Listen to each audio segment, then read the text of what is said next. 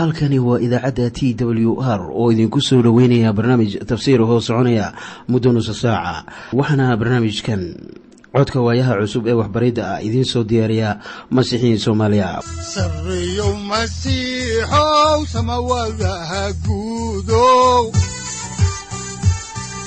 Siraadkii adduunkow subanaha eebow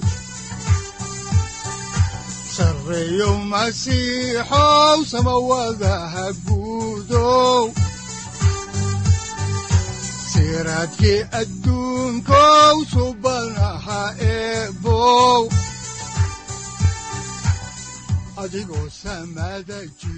mar kale ayaan idinku soo dhoweyneynaa dhegeystayaal barnaamijka. Waxaanu weli ku jiraa haddaba kitaabkii afraade muuse waxaana aan isla soo aragnay sida wanaagsan ee ilaah u hoga tusaaleynayay welibana u hogaaminayay reer banu israa'iil. Wax kasta ee soo baxa muuse ilaah wuu hordhigayaa markaasaa ilaahna u sheegayaa iyaga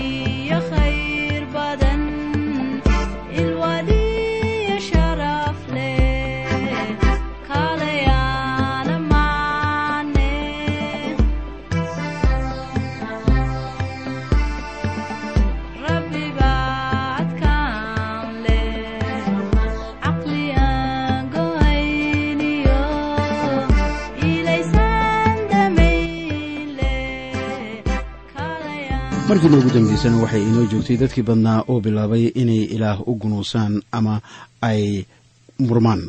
Waxay inoo joogtay aayadda afraad ee cutubka koob iyo tobanaad ee kitaabka axdigii hore. Haddaba yay ahaayeen kuwii gunuusida ama muranka ama ereyga bilaabay. Waxa ay u badnaayeen dad reer binu israa'iil soo raacay oo masaari ahaa laakiin hooyooyinku ay u dhasheen israa'iiliyiin iyagu abtir ahaan ama qabiil ahaan kuma tirsana qabiilada kale ee reer binu israa'iil markaana kuma ayan qanacsanayn inay reer binu israa'iil la sii socdaan oo waxaa shaki kaga jiray inay safarka sii wataan iyo inay ka soo noqdaan. Marka waxa ay bilaabeen inay wax waliba dhaleeceeyaan oo yidhaahdaan cidladan waxba kuma haysanno. Waxay kaloo oran jireen waxaanu u xiisnay hilibkii iyo batiiqii iyo bocorkii waa haddii dad cidlada cunno nooc waliba ah loogu keenayo. Meel waliba waxaa jooga dadka caynka oo kala ammaanta oo aan doonayn horumarka beelaha masiixiyiinta. Oo markii toddobaadka la gaarana dunida ayaa ay la tumanayaan. Waa dad aan meelna raacsanayn oo weliba aan go'aansan inay ilaah raacaan. Waa dad aan meelna raacsanayn oo go'aanka ah in ilaah la raaco aanu iyaga khusaynin waxaa laysku raacsan yahay dhib waliba ee wehelnimada masiixiyiinta ka jira in ay keenaan dad aan go'aansan inay la socdaan masiixa. Dadkan ayaa la socda addoonkii rabbiga ee muuse ahaa iyo dadkiisiiba. Waa dad aan qanacsanayn lagana rajo qabin wax waliba oo la siiyo ama loo sameeyo inay ku qancaan haddaba markii aad eegto halkan ama qisadan muuse maxay ragganu doonayaan balaan haatan idin bilaabo meeriska cutubka koob iyo tobanaad aayadaha shan ilaa lix waxaana qorniinka quduuska ay leeyahay sida tan. Annaguna waxaanu xusuusannahay kalluunkii aanu masar lacag la'aan uga cuni jirnay iyo khajaarkii iyo batiiqii iyo basashii cagaarka ahayd iyo basashii guduudnayd iyo toontii. Laakiinse haatan naftayadii way cunto nacday oo waxba ma jiraan oo mannadan ma ahane wax kaloo aanu fiirsannaa ma haysanno. Haddaba waxaad ogaataa wixii ay odhanayeen wax kastoo ay jeclaayeen sida kalluunka iyo qajaarka iyo batiiqa iyo basasha iyo khudraddii kala duwaneyd ee webiga masar ay ku beeran jireen ayay la'yihiin dhulka masar kalluun fara badan ayaa ka buuxay kaasoo sida ay sheegayaan ay u xiiseen. Waxaana iminka reer binu israa'iil lagu daartay gunuusid iyo guryan ay ka maqlayaan dadka aan iyaga ku qabiilka ahayn ee la socda. Waxaana ay iminka la gunuusayaan raggii reer masar waxaana ay gunuusidii gaarsiiyeen xerada oo dhan waxayr kadib dadkii oo dhan ayaa ooyayey waxaana ay soo xusuusteen dhulkii masar markaasay bilaabeen in ay ka dacwoodaan mannadii ilaah ku quudin jiray. Waxay hadda haystaan manno ay cunaan oo ilaah si mucjiso ah ugu keenay oo ay maalin waliba soo urursan jireen ha yeeshee maalinta sabtida ma ayan urursan jirin oo waxay ahayd maalin quduus u ah rabbiga ah ilaah reer binu israa'iil. Haddaan markaa dacwadoodii halkan idinka akhriyo ayaa waxaa aanu la soo kala baxaynaa cutubka koob iyo tobnaad aayadaha toddoba ilaa sagaal. Waxaana qoran sida tan oo mannaduna waxa ay u ekayd midhaha koryandeerka la yidhaahdo oo midabkeeduna wuxuu u ekaa midabka xabagta bedeliyum la yidhaahdo dadku way warwareegi jireen oo soo urursan jireen. Markaasay mixdin ku daqiijin jireen amase mooyo ku tumi jireen. oo dheryay ku karsan jireen oo muufo bay ka samayn jireen oo dhadhankeeduna wuxuu u ekaa sida dhadhanka wax saliid lagu sameeyey. Oo habeennimadana markii sayuxu xerada ku soo dego ayaa mannaduna la soo dhici jirtay mar kale ayaa ilaah waxa uu noo sharaxayaa sida mannadu u ekayd waa mannada ay reer binu israa'iil ay iminka ka kibreen haddaba tan cajiibka ah waxay ahayd in markii ay cillada marayeen sidaan ku arki doonno sharciga ku noqoshadiisa aanay lugahooda dildilaacin sida socotada kale. Dheef ayaa ilaah ku laray cunnadan uu lamadegaanka ku siiyey. Dheeftaas ayayna cunayeen oo iyaga siinaysa vitamiin cagahooda xoojiya oo ilaa waxa uu mar kale xaqiijinayaa in cunnadani ay tahay mid ku habboon inta ay lamadegaanka marayaan. Waxaanan arkaynaa in haatan reer binu israa'iil ay cunnadaas liidayaan. Haddaan horey idiinku sii wado haddaba meeriska ayaanu dhegeystayaal iminka eegaynaa maadada kale ee ah muuse uu bilaabay in uu ka ashtakoodo dadka.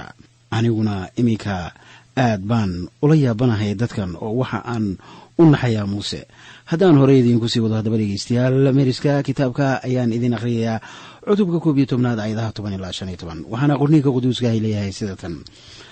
Haddana muuse waxa uu maqlay dadkii oo ka dhex ooyaya qabiilooyinkoodii oo dhan oo nin walibana teendhadiisii riddeeduu taagnaa. Markaasaa caradii rabbigu aada u kululaatay oo muusena wuu ka xumaaday oo muuse waxa uu rabbigu ku yidhi maxaad anoo addoonkaaga ah sida xun iigu gashay oo maxaan raallinimadaada u heli waayey oo maxaad ii kor saaraysaa dadkan oo dhan culaabtiisa dadkan oo dhan ma anigaa uuraystay oo ma anigaa dhalay markaad igu leedahay iyaga laabtaada ku qaad sida aabbe u qaado ilmo cananuga tan iyo dalkii aad awowayaashood ugu dhaaratay. Bal xaggee baan ka helayaa hilib aan siiyo dadkan oo dhan waayo iyagu way igu ooyayaan oo waxa ay igu yidhaahdaan hilib aanu cunno na sii anigu ma aan qaadi karo dadkan oo dhan. Maxaa yeelay rarkan aad buu iigu culus yahay. Haddaad sidaa ii geshid waan ku baryayaaye idil haddaad raalli iga tahay oo yaanan dandarradayda arkin. Haddaba muuse miyuu gunuusayaa anigu sidaas ayay iila muuqataa. Muuse ma ahan nin kaamil ah.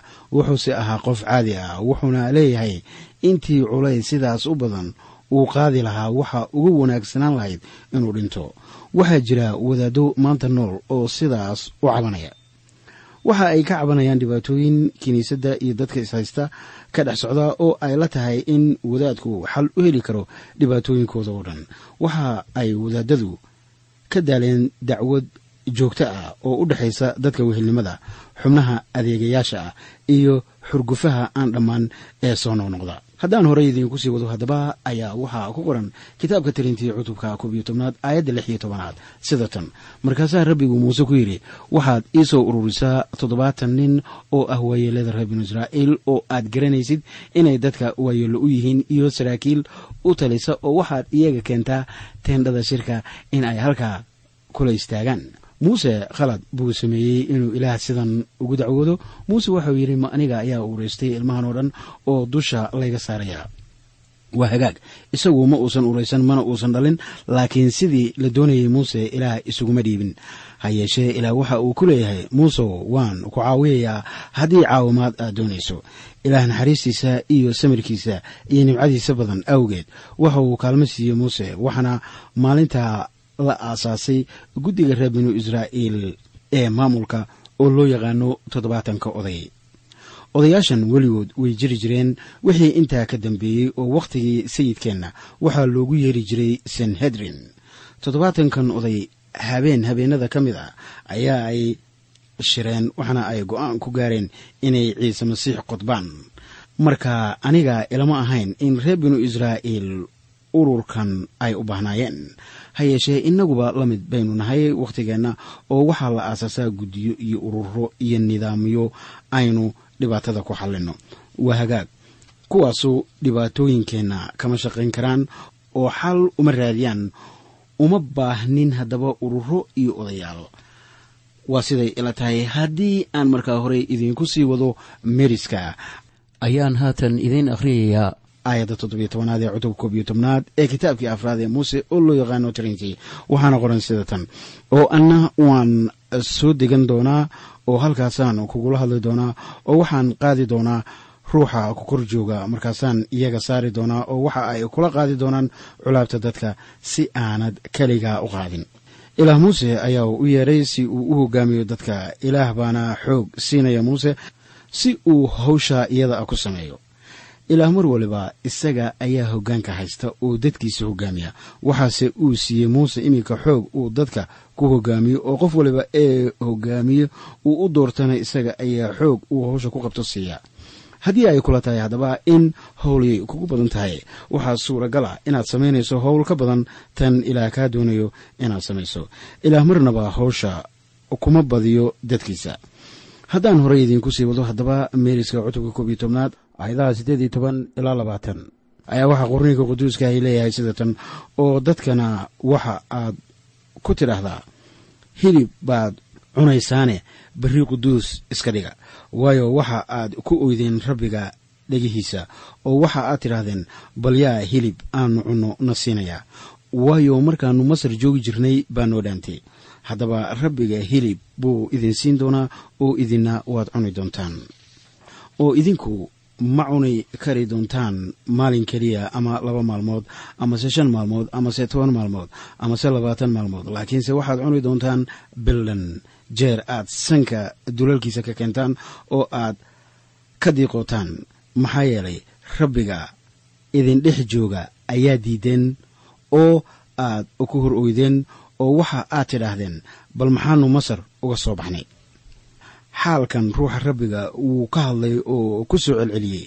Zabuurka boqol iyo lix waa zabuur taariikhiya oo waxaana aan ka akhrinaynaa aayaddiisa shan iyo tobanaad sida tan oo isna waxa uu siiyey wixii ay weydiisteen laakiinse wuxuu naftooda u soo diray caatow ilaah codsigoodii wuu ka jawaabay laakiinse naftoodii baa catow gashay oo wax waliba kuma adkaysan karaan kumana qanacsanaa haddaba eega sida marka ilaah la jirrabo ay noqonayso qaar baa jira ilaah salaado la hor yimaado oo ku dirqiya dalabyadooda. Markii ay helaan wixii ay doonayeenna kuma sii istireexaan waayo naftoodii ayaan lahayn qanacsanaan oo wax waliba waxay doonayaan inay wax ka sii wanaagsan helaan. Haddaba markaannu ilaah wax weydiisanno waa inaan mahadnaqid ku darnaa. Waayo waannu garanaynaa in ilaah maqlayo baryadeenna sida ku qoran warqaddii rasuul boolos u qoray dadka reer filiboy cutubka afraad aayaddii lixaad. Alaba ilaah baryadeenna sida aynu u weydiisanno ugama soo jawaabo. Waayo sida aynu wax u weydiisanno innaga ayay inuu daran tahay ugu dambaysta. Laakiin waxa uu uga soo jawaabaa sida wanaagsan oo noroon maalin waxaa jirtay nin aynu isgaranayno oo wadaadaha iiga sheekeeyey qiso qabsatay isaga. Waxa uu yidhi nin tujaara oo shirkado badan lahaa baa ii yimid. Dabadeetana waxa uu igu yidhi walaalow xoolihii waa iga sii baaba'ayaane bal kaale ilaah ii bari oo bal iigu ducee becsharada isla markiiba ilaah buu hor yimid oo bilaabay inuu u duceeyo. Ninkii loo ducaynayeyna ilaah buu isna baryey oo way wada tukadeen ninkii beecsharadii waa u kala kacday oo waxa uu helay lacag ka badan tii uu doonayay. Qoys wacan buu lahaa laakiin markii lacagtii sii badatay ayaa ilmihii oo dhaniba ka hallaabeen oo ka tageen. Haddaba lacag badan wuu helay laakiin ilaah nafsadoodii buu geliyey caatow oo qanaacaadkiibaa ka tegey reerka. Marka sida iminka aynu ku aragnay aayadihii siddeed iyo toban ilaa labaatan ee cutubkan koob iyo tobanaad. Dadkii hilib bay weydiisteen laakiin nafsadoodii baa qanaacaadkii beeshay. Ilaa waxa uu muuse ku yidhi dadkanu waxa ay cuni doonaan hilibka ay doorteen ilaa muddo bil ah ilaa ay hilibka sanka ka keenaan. Waxaana ilaah sidan u samaynayo waxa weeye in ay isaga ah ilaahooda liideen iyo in ay hortiisa ku oogeen haddaan horey idinku sii wado haddaba meeriska cutubka koob iyo tobnaad ayaanu idin akhriyeynaa aayadaha koob iyo labaatan ilaa labaiyo labaatan. Waxaana qorniinka quduuska ahy leeyahay sidatan. Markaasaa muuse yidhi dadka aan dhex joogo waa lix boqol oo kun oo nin oo lug ah oo adna waxaa tidhi waxaan iyaga siinayaa hilib ay bil dhan cunaan. Ma waxaa loo qalayaa ido iyo lo si ay uga dhargaan mise kalluunka badda ku jira oo dhan baa la soo ururinayaa si ay uga dhargaan. Muuse waxa uu ilaah weydiinayaa oo uu leeyahay dadkan sideebaa wax loo deeqsiinayaa? Markaasaa rabbigu u jawaabay sida ku qoran cutubka koob iyo tobnaad aayadda saddex iyo labaatanaad ee kitaabka tirintii waxaana lagu yidhi markaasaa rabbigu muuse ku yidhi war ma gacantii rabbigaa gaabatay? Haddaba waad arki doontaa bal in ereygaygu rumoobayo iyo in kale ilaah baa u jawaabay oo waxauu ku yidhi taasuu iguma dhibanna marka maahan inaan ilaah weydiisano sida uu wax u samaynayo. Marba haddii uu ballan qaado in uu samaynayo. Cidna ugama baahnaa inay u sheegto sida uu waxyeelayo ama wax loo farsamaynayo. Waxa uu wax waliba u sameeyaa sida uu doonayo. Haddaan horey idinku sii wado haddaba meriska ayaa waxaa ku qoran aayadaha afar iyo labaatan ilaa shan iyo labaatan ee cutubka koob iyo tobanaad ee kitaabka tarintii sidatan markaasaa muuse baxay oo dadkii u soo sheegay ereyga rabbiga oo waxa uu soo ururiyey toddobaatan nin oo reer binu israa'iil waayeelo u ah oo teendhada hareeraheedii ayaa uu isugu keenay. Markaasaa rabbigu ku soo degtay daruurtii oo isagii la hadlay wuxuuna qaaday ruuxii isaga saarnaa. Markaasuu toddobaatankii waayeel saaray oo markii ruuxu korkooda ku degay ayay wax sii sheegeen. Laakiinse sidaa mar dambe ma ay yeelin haddaba ogow markii ilaa ruuxa saaray toddobaatanka oo ay wax sii sheegeen kol dambe sidaa ma ayan dhicin. Marka iminka ilaah waxa uu bediyey howlwadeennada oo ruuxii muuse saarnaa ayaa iyaga loo qeybiyey. Haddaan horey idinku sii wado haddaba meeriska cutubka koob iyo tobnaad ayaanu haatanna idin akhriyeynaa aayadaha lix iyo labaatan ilaa soddon waxaana qoran sida tan. Laakiinse laba nin baa xerada ku dhex hadhay. Mid magaciisa waxaa la oran jiray eldaad kan kalena magaciisa waxaa la oran jiray meedaad oo iyagana ruuxiibaa ku soo degay oo waxa ay ka mid ahaayeen kuwii la qoray laakiinse uma ay bixin teendhadii oo iyagu xerada dhexdeedii ayaay wax ku sii sheegeen. Markaasaa nin dhallinyaro ah soo orday oo muuse u soo sheegay oo yidhi eldaad iyo meedaad xeradii bay wax ku sii sheegayaan. Markaasaa yeshuuca inunun oo muuse mididinkiisa ahaa oo raggiisii u doortay ka mid ahaa ayaa ku yidhi sayidkaygii muusow u diid iyaga. Markaasaa muuse waxa uu isagii ku yidhi war ma anigabaad ii hinaasaysaa bal may dadka rabbigu oo dhammu nebiye ahaadaan oo rabbigu muu iyaga ruuxiisa ku soo dejiyo. Markaasaa muuse iyo waayeeladii reer binu israa'iilba xerada ku noqdeen. Sida aynu arkayno yeshuuca waxa uu daacad u ahaa muuse muusena waxa uu ahaa nin firfircoon oo aan dadka ilaah ka masayrin. Wuxuuna yidhi ma dadka ilaah gebigoodu nebiye noqdaan?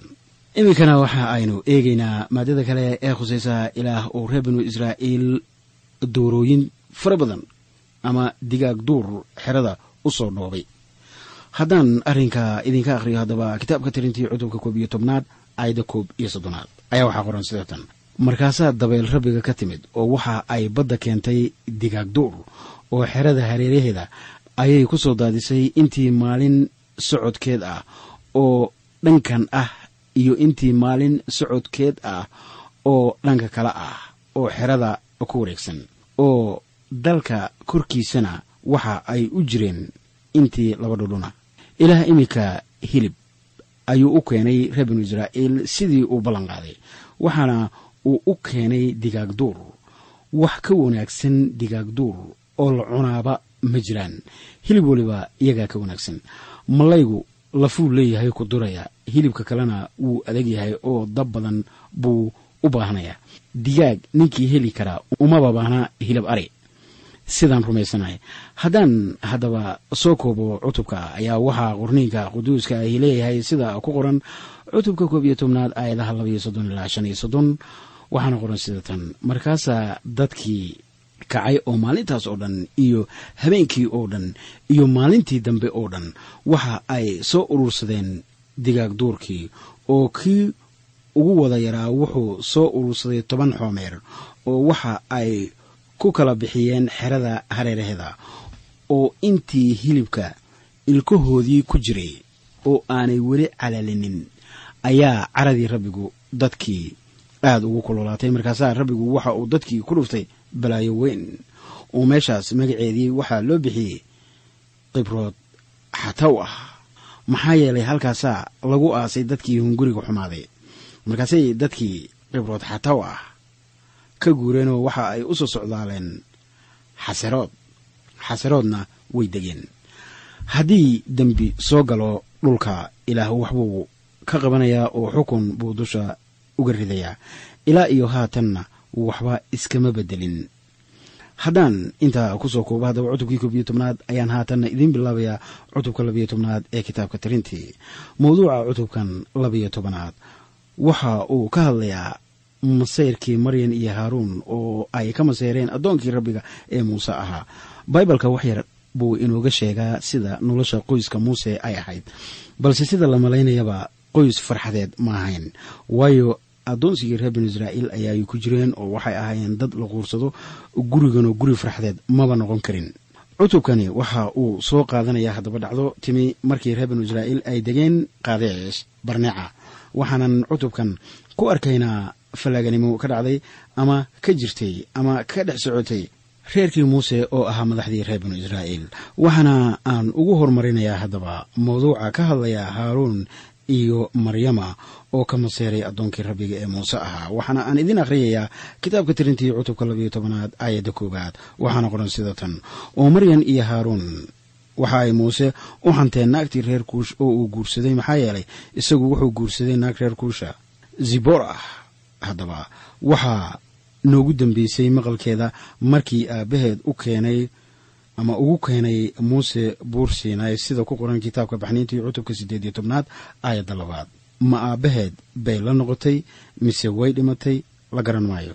Waxaase su'aashu ay ka taagan tahay yay ahayd naagtan muuse guursaday ee reer kuush qorniinka faallo inaga siin maayo waxaanse odhan karnaa oo keliya waa naagtii labaad ee uu muuse guursado maryanna naagtan reer kuush ee uu guursaday muuse ayaa ay marmarsiinyo kaga dhiganaysaa in ay weerarto awoodda uu ilaah siiyey isaga.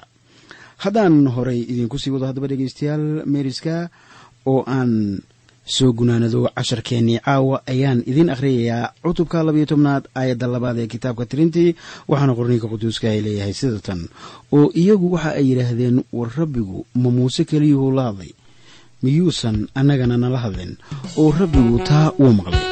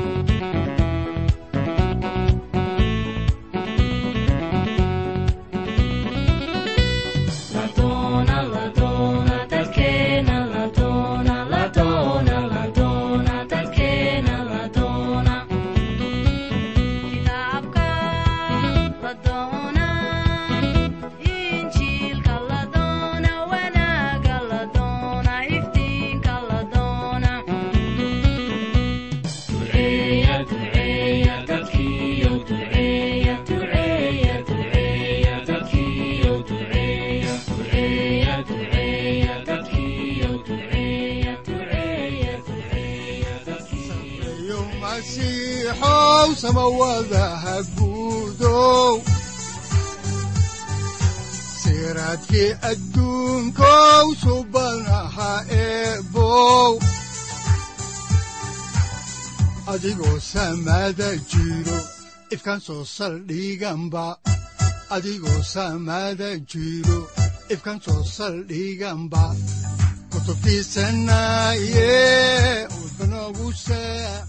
halkani waa t w r idaacadda t w r oo idinku leh ilaa ha idin barakeeyo oo ha idinku anfaco wixii aad caawi ka maqasheen barnaamijka.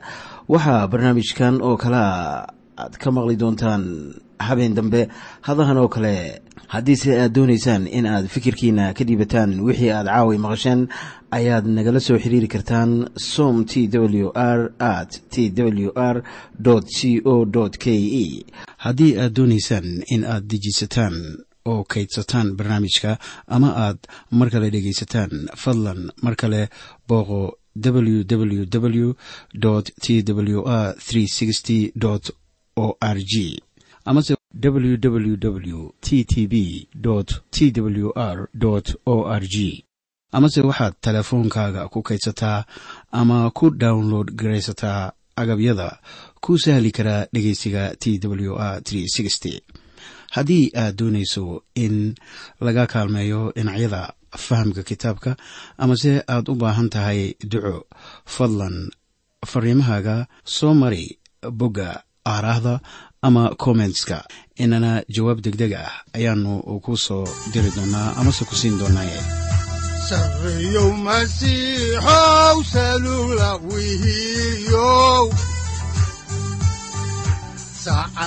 timid dhulka sabada ku dhalatiyo